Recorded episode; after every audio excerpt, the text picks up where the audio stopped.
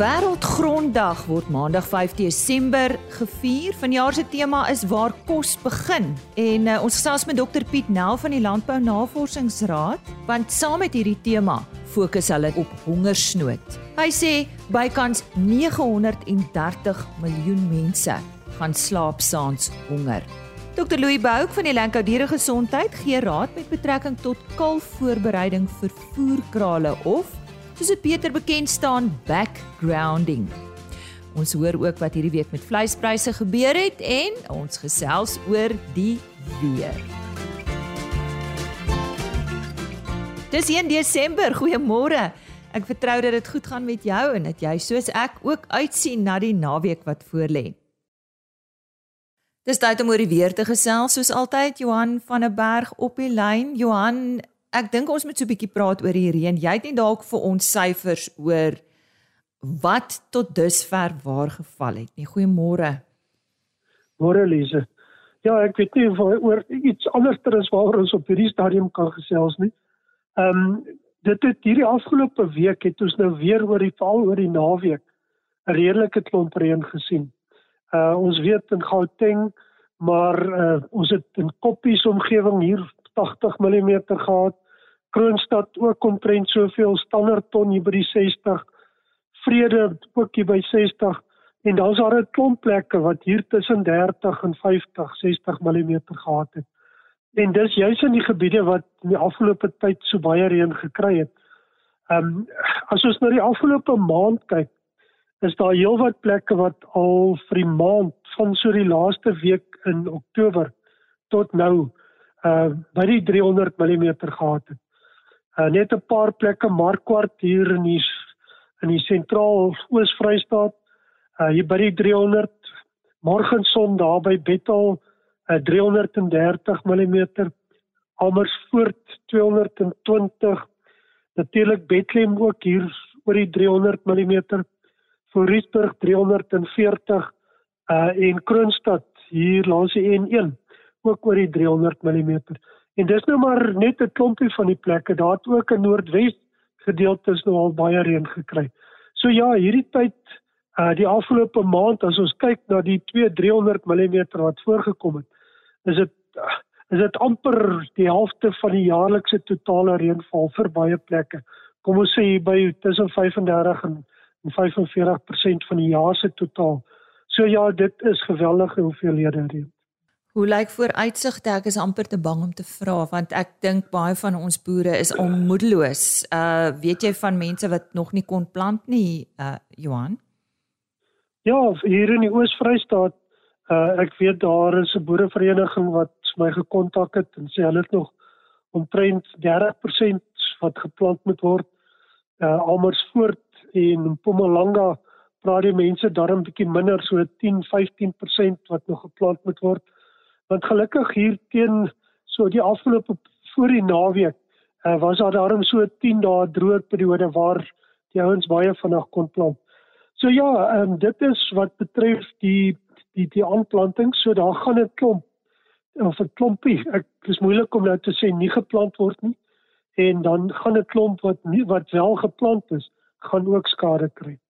En dis nogal ek dit mens weet nie hoe om te sê nie reën is gewoonlik lekker maar dit lyk asof hier weer 'n redelike klompie reën is. En mense sê dit regtig waar uh mense kan dit nie reël die reën nie maar dit lyk asof veral hier uh, van die begin van Desember maar veral hier van die 5de tot omtrent die 12de Desember is daar weer 'n 50 80 mm oor redelike groot gebiede. Veral die Oos-Vrystaat, Mpumalanga, die gedeeltes wat al reeds baie reën gehad het. So dit kan nogal 'n redelike krisis uh, wat vir die graanboere betref en wees en dan natuurlik al daai water uh, daar's omtrent niks wat meer in die grond kan ingaan nie. Dit gaan in die afloop van die Vaalrivier hoofsaaklik ingaan. Alhoewel daar ook reën in die Gariepdam se op opvanggebied gaan voorkom. So die kans is baie goed dat daar 'n tweede piek van 'n vloed in die in die veral die benede Oranje rivier gaan wees hier in die tweede tweede derde week uh van Desember. Ons weet nou hierdie naweek se reën het alweer die valdames besig om om se vlakke begin optel. So ja, dit lyk of die reën nog nie verby is nie. Dit lyk ook asof daar so 'n bietjie reën oos-Kaap se kant toe gaan daai tweede week van Desember. So daar kan dalk 'n klompie reën uh in daardie gebied ook voorkom. Maar as ons bietjie langer kyk, dit met die La Nina wat besig is om te verswak, dan kan ons nog in Desember oor die sentrale na oostelike gedeeltes reën uh, of heelwat reën kry dalk die eerste deel van Januarie maar dit lyk asof hier van Februarie se kant af dat toestande redelik die reënval toestande heelwat gaan verswak en baie minder reën gaan gee. So waar ons tradisioneel in die benede val en Oranje rivier vloede uh, kry hier in Januarie, Februarie, Maart, uh, het ons dit nou gekry November en dalk Desember en dit lyk daarom of daardie periode in die nuwe jaar Januarie, Februarie dat die kans vir vloede dan minder gaan wees. So as jy watertanks het, maak hulle maar vol terwyl dit reën. Wat stel jy voor? Ja, dit is so. Uh mens moet maar maar volmaak. Ongelukkig, mens weet nie 'n 1000 liter water klink baie. Mm. Maar as 'n mens dit op jou tuin gaan uitgooi, uh is dit ook nie baie nie. So mense het tog al redelik 'n groot dam nodig om genoeg water te kan opgaar. Maar dit wat 'n mens kan doen vir 'n noodgeval, moet 'n mens maar doen want uh, dit gaan vorentoe gaan ons weer in droër toestande ingaan. Ja, so sê Johan van der Berg in ons uh, kuier weer volgende week saam met hom. Soos jy gehoor het, is uh, Elenko dieregesondheid ons vernoot hierdie week en soos altyd gesels ek met Dr. Louis Bouck, hy's hoof van tegniese dienste by Elenko dieregesondheid. Nou ons onderwerp vandag is die voorbereiding van kalvers vir voerkrale. Nou in uh, In ons taal staan dit bekend as backgrounding. Ja, ek dink boere sal dit beter so verstaan, maar kom ons uh, gesels met Louie. Herinner ons net gou weer Louie, goeiemôre. Wat is uh, backgrounding vir voerkrale? Goeiemôre Lize. Nou backgrounding verwys na die voorbereiding van kalwers op die veld sodat die diere meer aangepas is om te floreer in 'n intensiewe program binne 'n voerkraal. Nou dikwels sal ligte kalwers op 'n backgrounding program geplaas word vir hulle tot hulle op hulle ideale gewig kom voordat hulle in die voerkraal opgeneem word. Dit is daarom belangrik as mens nou dink in die konteks van backgrounding dat wat tipies gebeur is hierdie kalwers word beide gras en byvoeding geplaas om hulle te help met die aanpassing van die rumen en te verseker dat die dier se se se liggaamsraam voldoende ontwikkel is voordat die dier in die voerkraal geplaas word. Watter faktore speel 'n rol in die sukses van 'n speenkalf in 'n voerkraal? Nou daar's verskeie faktore wat wat wat bepaal hoe suksesvol 'n kalf in 'n voerkraal gaan wees. Ek dink een van die mees belangrikste punte is om te verseker dat daardie diere gesonde longe het. Nou baie speenkalwers interessant het reeds letsels op hulle longe voordat hulle in die voerkraal aankom. Hierdie kalwers um, speen gewoonlik ligter as wat hulle maats is en hulle groei stadiger as die res van die diere. En as gevolg van die letsels wat klaar daar is, is hulle ook meer geneig om longontsteking weer te kry want die longe is is soos wat hulle in Engels sê gecompromise en dan kan hulle vinniger vrek. Nou 'n goeie passiewe immuniteit is ook nodig om die kalf te beskerm tydens die eerste paar maande. Daarom is dit belangrik vir my om die maat te end 'n maand voordat die kalftyd met 'n dooie enstof wat die belangrikste vier virusse wat lei tot longontsteking in beeste. Nou dit is jou beesvirus diarree, aansteeklike bees um, rhinotracheïtis, parainfluenza tipe 3 en dan laastens is jou respiratoriese sinsitiale virus wat wat beeste kry. Hierdie vier virusse is dan regtig is speel 'n groot rol in die ontwikkeling van longontsteking in beeste. En indien mense dit 'n maand voor kalf gee, verseker mense dat daar die korrekte hoeveelheid teenliggame in haar biesmelk beskikbaar is wat die wat aan die kalf oorgedra word. Wat dit dan doen is dit bewerkstellig 'n goeie immuniteit van vroeg af in die kalf. En wat mens verder kan doen is is dat ons het nou gepraat van punt 1 van om die maat te immuniseer, Maar dan is dit ook belangrik om te verseker dat hierdie kalf ehm um, biesmelk kry in die eerste 8 ure na geboorte. Dan kan mens ook die die daai dooie enstof herhaal in hierdie kalvers op 3 tot 4 maande van ouderdom. Wat ook belangrik is in ten opsigte van die immuunstelsel is om seker te maak dat die regte hoeveelheid vitamiene en spoorelemente in die dieet is en dat daar nie geen enige tekortkominge is nie. Indien jy weet dat jou veld byvoorbeeld 'n tekortkoming aan 'n mineraal het, is dit van is dit van pas om dit aan te vul. En as mens kyk na vitamiene, weet ons weet veral dat Vitamiene A en E 'n belangrike rol speel in die immuunstelsel en as mens kyk na jou minerale, weet ons selenium, sink en kobalt speel 'n belangrike rol. Nou, soos ek genoem het, is die Achilleshiel van 'n bees sy longe. Wat klein is relatief relatief tot sy liggaamsgrootte. Daarom is dit belangrik om die dier se immuniteit teen die bakterieë wat longontsteking veroorsaak ook te verbeter en dit word gedoen deur om hulle te ent teen pasteurellose. Nou net ten slotte ten opsigte van wat ons nou oor gesels het, is dat wat mense kan hoor is die onderliggende tema is om die dier se immuunstelsel te beskerm. En alle faktore wat 'n rol speel op die immuunstelsel van 'n die dier is indirek gekoppel aan hoe goed die dier sal presteer in die voerkraal. Wat anders kan 'n boer doen om te verseker dat die kalf beter aangepas is vir 'n voerkraal looi? Nou as mens aan speen dink, dan is dit belangrik om kennis te neem dat 'n kalf dan effektiewelik in 'n vreemde omgewing geplaas word. En in sulke omstandighede eet daai kalf of drink daai kalf gewoonlik nie. Dit veroorsaak ook speenstres, die afskeiding van kortisol veroorsaak en dit onderdruk dan die kalf se immuunstelsel. Daarom reageer hulle gewoonlik swak op enstowwe en medisyne net tydens speen. Nou as mens daaraan dink, is dit voordelig om kalwers voor speen te leer om uit 'n krib te eet in die vorm van kruipvoer en om water te drink. Dit verminder dan weer eens speenstres wat dan veroorsaak dat die kalwers sal beter reageer tot op enstowwe. Verder is daar ook waarde om 'n kalf byvoorbeeld 'n estrogen implantaat te gee. Dit help met die groei van die kalf se beenstruktuur en spiere te stimuleer en dit verbeter die waarde van die belegging van die kruipvoer. Nou ek dink julle hoor estrogen implantaat, dan weet ek daar is groot miskonsepsie oor die gebruik van implantate en en en en die rol daarvan.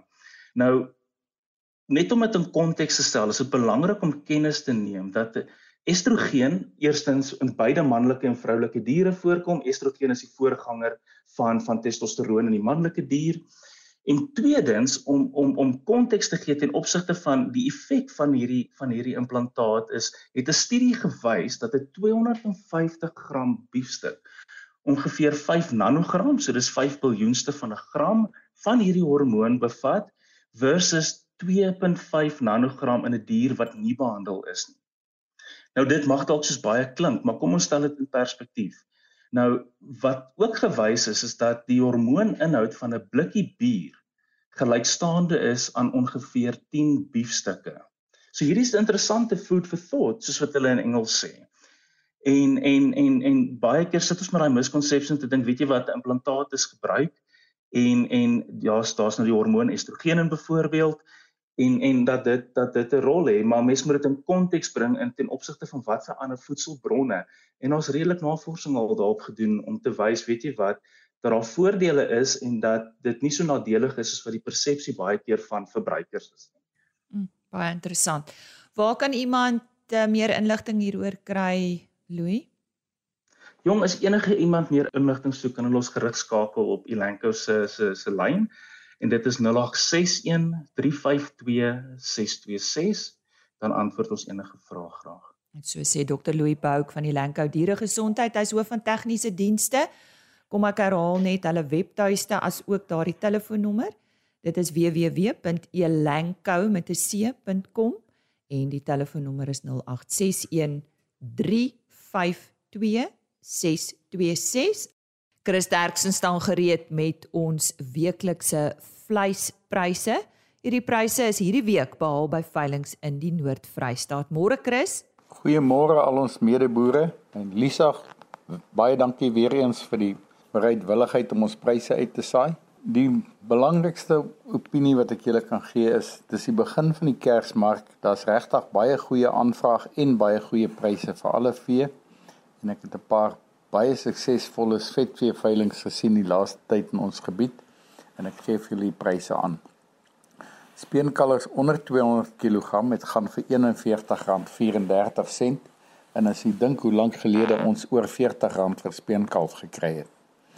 Dan van 200 tot 250 kg R38.65 en oor 250 kg R36 aan 77 sent per kilogram lewendig. A klasse was R33.25.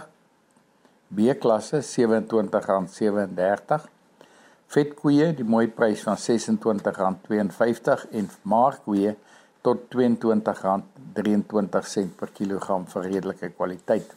Slagbulle was die mooi prys van R27.55.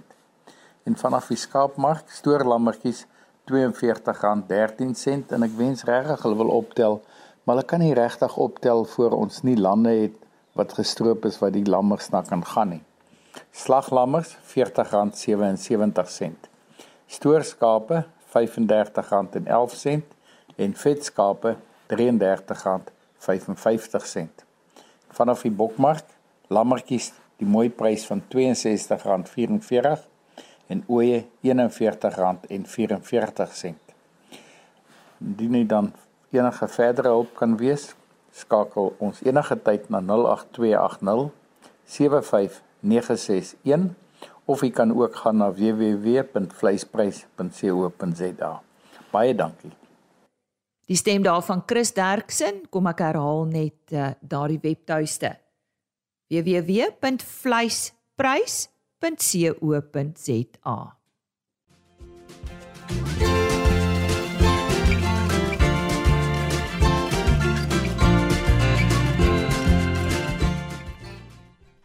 Eerskomende maandag, 5 Desember is weer wêreldgronddag. Dit voel vir my asof ek gister daaroor gepraat het en dis al amper weer 'n jaar gelede. Nou, vanjaar se tema is waar kos begin. Nou behalwe vir grond is daar ook ander faktore soos uh, ja waarskynlik klimaatsverandering wat 'n rol speel om suksesvol voedsel te produseer en dis waaroor ons vandag uh, met Dr Piet Nel van die Landbou Navorsingsraad gesels. Piet, welkom. Baie dankie. Ja, beantwoord bietjie hierdie vraag as ek reg is, ek sê daar's ander faktore.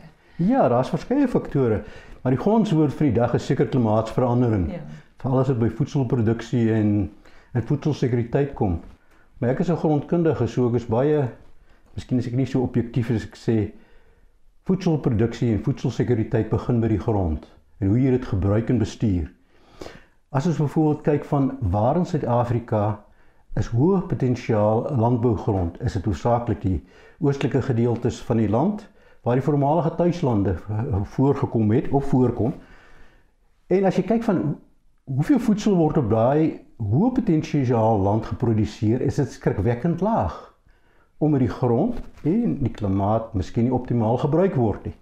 Maar dan kry ons ook gebiede in die land waar daar op selfs marginale grond uiters suksesvol voedsel geproduseer word tot so 'n mate dat voedsel uitgevoer word van daai marginale gronde in hierdie land.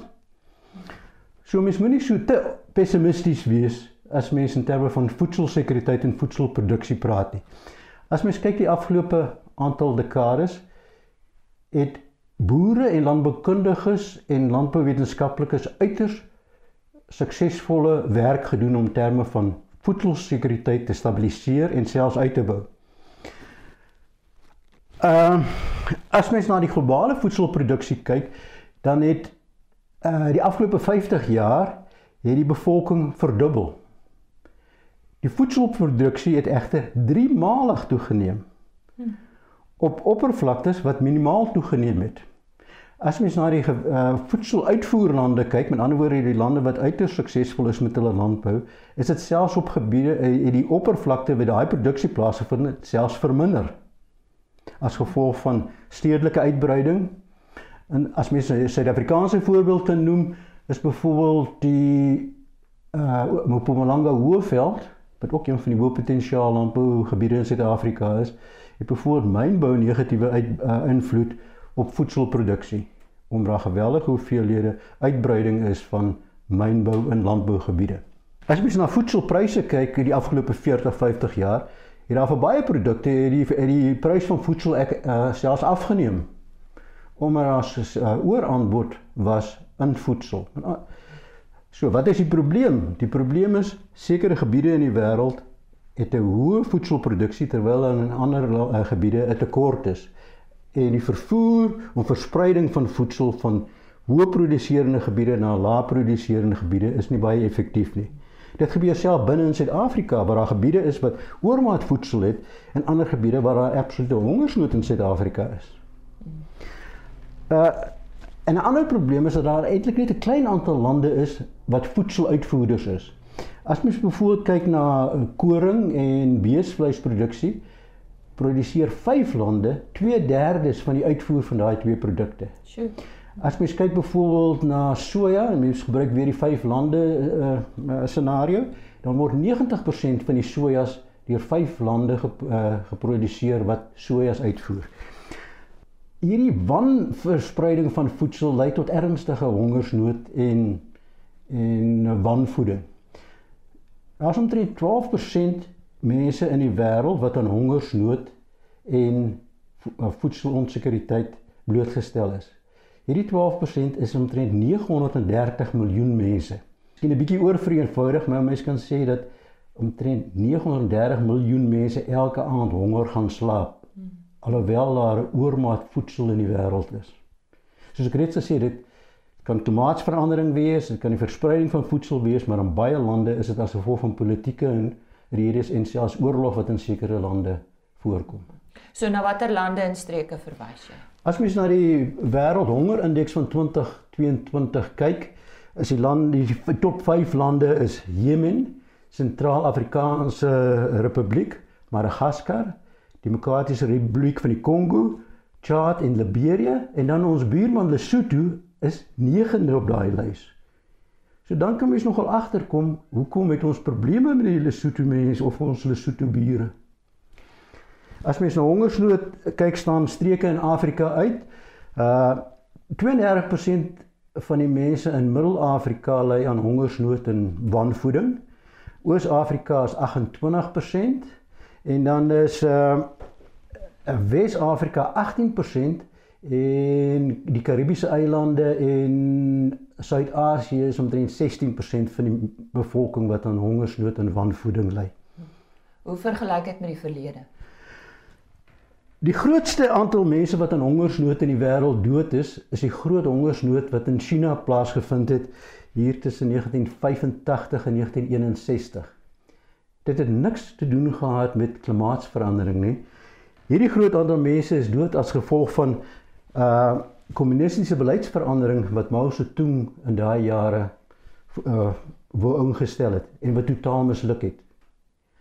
So die hoeveelheid mense soos ek reeds gesê het tussen 15 en 55 miljoen mense is dood aan hongersnood in daai tyd. 'n Ander groot uh, katastrofe in terme van die hoeveelheid mense van die hele bevolking wat uitgewis is, is die sogenaamde uh aardappelhonger periode wat geplaas gevind het tussen dink 1842 tot 1845 in in Ierland. Uh aardappels was daai tyd die hoofvoedselbron of die stapelvoedsel van Ierland. En toe kom uh, aardappelroes en vernietig uh, aardappelroes dink ek is 'n uh, uh, Phytophthora infestans en dit vernietig vir 3 jaar die aardappeloes van Ierland. Uh 1 miljoen uit die 8 miljoen ure is dood in daai periode. Sjoe. En 1 miljoen het gevlug uit die land uit. So met ander woorde van 8 miljoen is die bevolking verminder na 6 miljoen toe. So daar was in die verlede, die af, in die afgelope 100 jaar sulke dramatiese uh hongersnood vir spesifieke lande. Maar mens kan daagliks tel mens lande op, veral lande wat blootgestel is aan politieke onrus en oorlog waar daar nog steeds geweldige hongersnood uh voorkom. Piet, hoe beïnvloed klimaat die grond? Daar is vyf grondvormingsfaktore wat beïnvloed hoe grond ontwikkel. En ek dink die twee belangrikste faktore is klimaat en die geologiese moedermateriaal. Die klimaat speel vir alle 'n belangrike rol om dit beïnvloed hoeveel water is beskikbaar om sekere prosesse te dryf in die grond. Byvoorbeeld in die droë westelike gedeeltes van die land is daar nie genoeg water om die skadelike soutte of soutte uit die grond uit te loog nie. Daarom kry ons byvoorbeeld baie alkalisiese gronde in die westelike gedeelte van die land.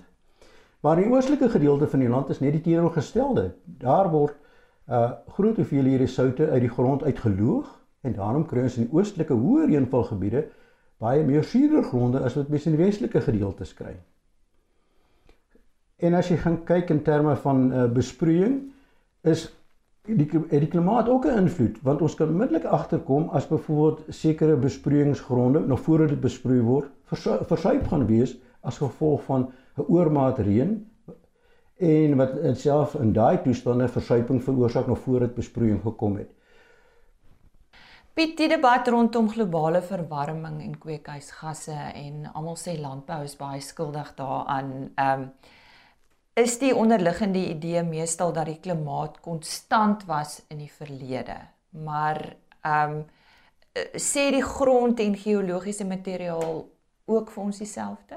Nee, die grond en die geologiese materiaal sê vir ons die teendeel. Dit sê vir ons daar was altyd verskille in klimaat.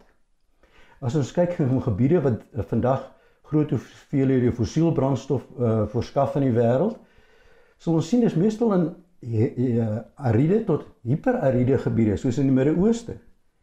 Maar vir daai olie en en gas om om om geproduseer word vandag, moes daar toestande geheers het wat totaal verskil van vandag se klimaat. Met ander woorde, oor tropiese oerwoude, groot hoeveel groot hoeveelhede reënval wat voorgekom het oor lang tydperke en uiterste hoeveelhede CO2 wat opgeneem is in deur hierdie plante soort van vasgelê is in die vorm van olie en gas. As ons nader aan Suid-Afrika kyk en sekere geologiese kenmerke wat vir ons sê daar was klimaatsverandering en ons kyk byvoorbeeld na die Oos-Kaap, sal ons sien sekere rivierstelsels in in die in die Oos-Kaap is is relatief diep ingekerf. En as jy daai terrasse kyk, sal jy sien die terrasse terloops het gevorm as gevolg van die trans of regressie van die seevlak, met ander woorde, die stygings en die daling van die seevlak wat voorgekom het. Sal mens sien dat jy marine afsettings kry wat met ander woorde see-afsettings, so skulpe wat 80 tot 120 meter bo kan die seevlak van vandag is. In in geologiese terme is dit relatief 'n uh, eh, resente tyd wat hierdie tipe veranderinge plaasgevind het. As mens na die mees dramatiese klimaatsverandering uh, kyk wat in Suid-Afrika plaasgevind het, is bevoor die westelike gedeelte van die land het in die sogenaamde sensoïese tydperk, is omtrent so 60-70 miljoen jaar gelede, het die Weskus gedeeltes van die Wes-Kaap en Noord-Kaap dieselfde klimaat gehad as vir uh Durban of die Ooskus van, van, van vandag het. Hoekom het dit verander? Toe Antarktika weggedryf het van Suid-Amerika uit die sogenaamde Drake Passage ontstaan en daar het geweldige hoeveelhede koue polêre uh seewater het begin beweeg van wes na oos in die suidelike uh Atlantiese Oseaan. Dit het ook saamgegaan met uh, verskille in die klimaatstelsels of weerstelsels. En dit het veroorsaak dat ons die sogenaamde opwelling van die koue Benguela seestroom gekry het aan die weskus van die land. En dit het veroorsaak dat die dat die land in die westelike gedeelte totaal geskuif het van 'n hoë reënvalgebied na 'n lae reënvalgebied. So mens kry in daai gebiede deesdae gronde wat totaal uit fase is met die huidige klimaat. Ons sien sogenaamde in sogenaamde plintiese gronde, die gronde wat jy kan sien daai plintiese gronde is nie in 'n proses van ontwikkeling nie, maar in 'n proses van verwering. So ja, die geologie en die grond vertel vir ons daar was altyd verskille in klimaat en in die toekoms gaan daar altyd verskille in klimaat wees. Piet, jy het nou vir my vandag baie baie geleer. Dankie vir alles wat jy met ons gedeel het vandag. En ek glo um, ons viering maandag gaan uh, lekker wees ook in Suid-Afrika. Wat beplan julle?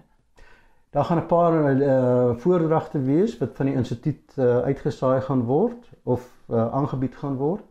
En dan is daar dink ek meer as een plek in Suid-Afrika waar dit gevier gaan word. Ek dink seker die universiteite gaan dit ook doen. Dr Piet Nel, hy is spesialis navorser, Instituut vir Grond, Klimaat en Water by die Landbou Navorsingsraad. Dis dan vandag se RSG Landbou.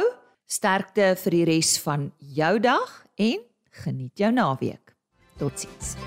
RSG Landbou is 'n plaas media produksie met regisseur en aanbieder Lize Roberts en tegniese ondersteuning deur Jolande Rooi.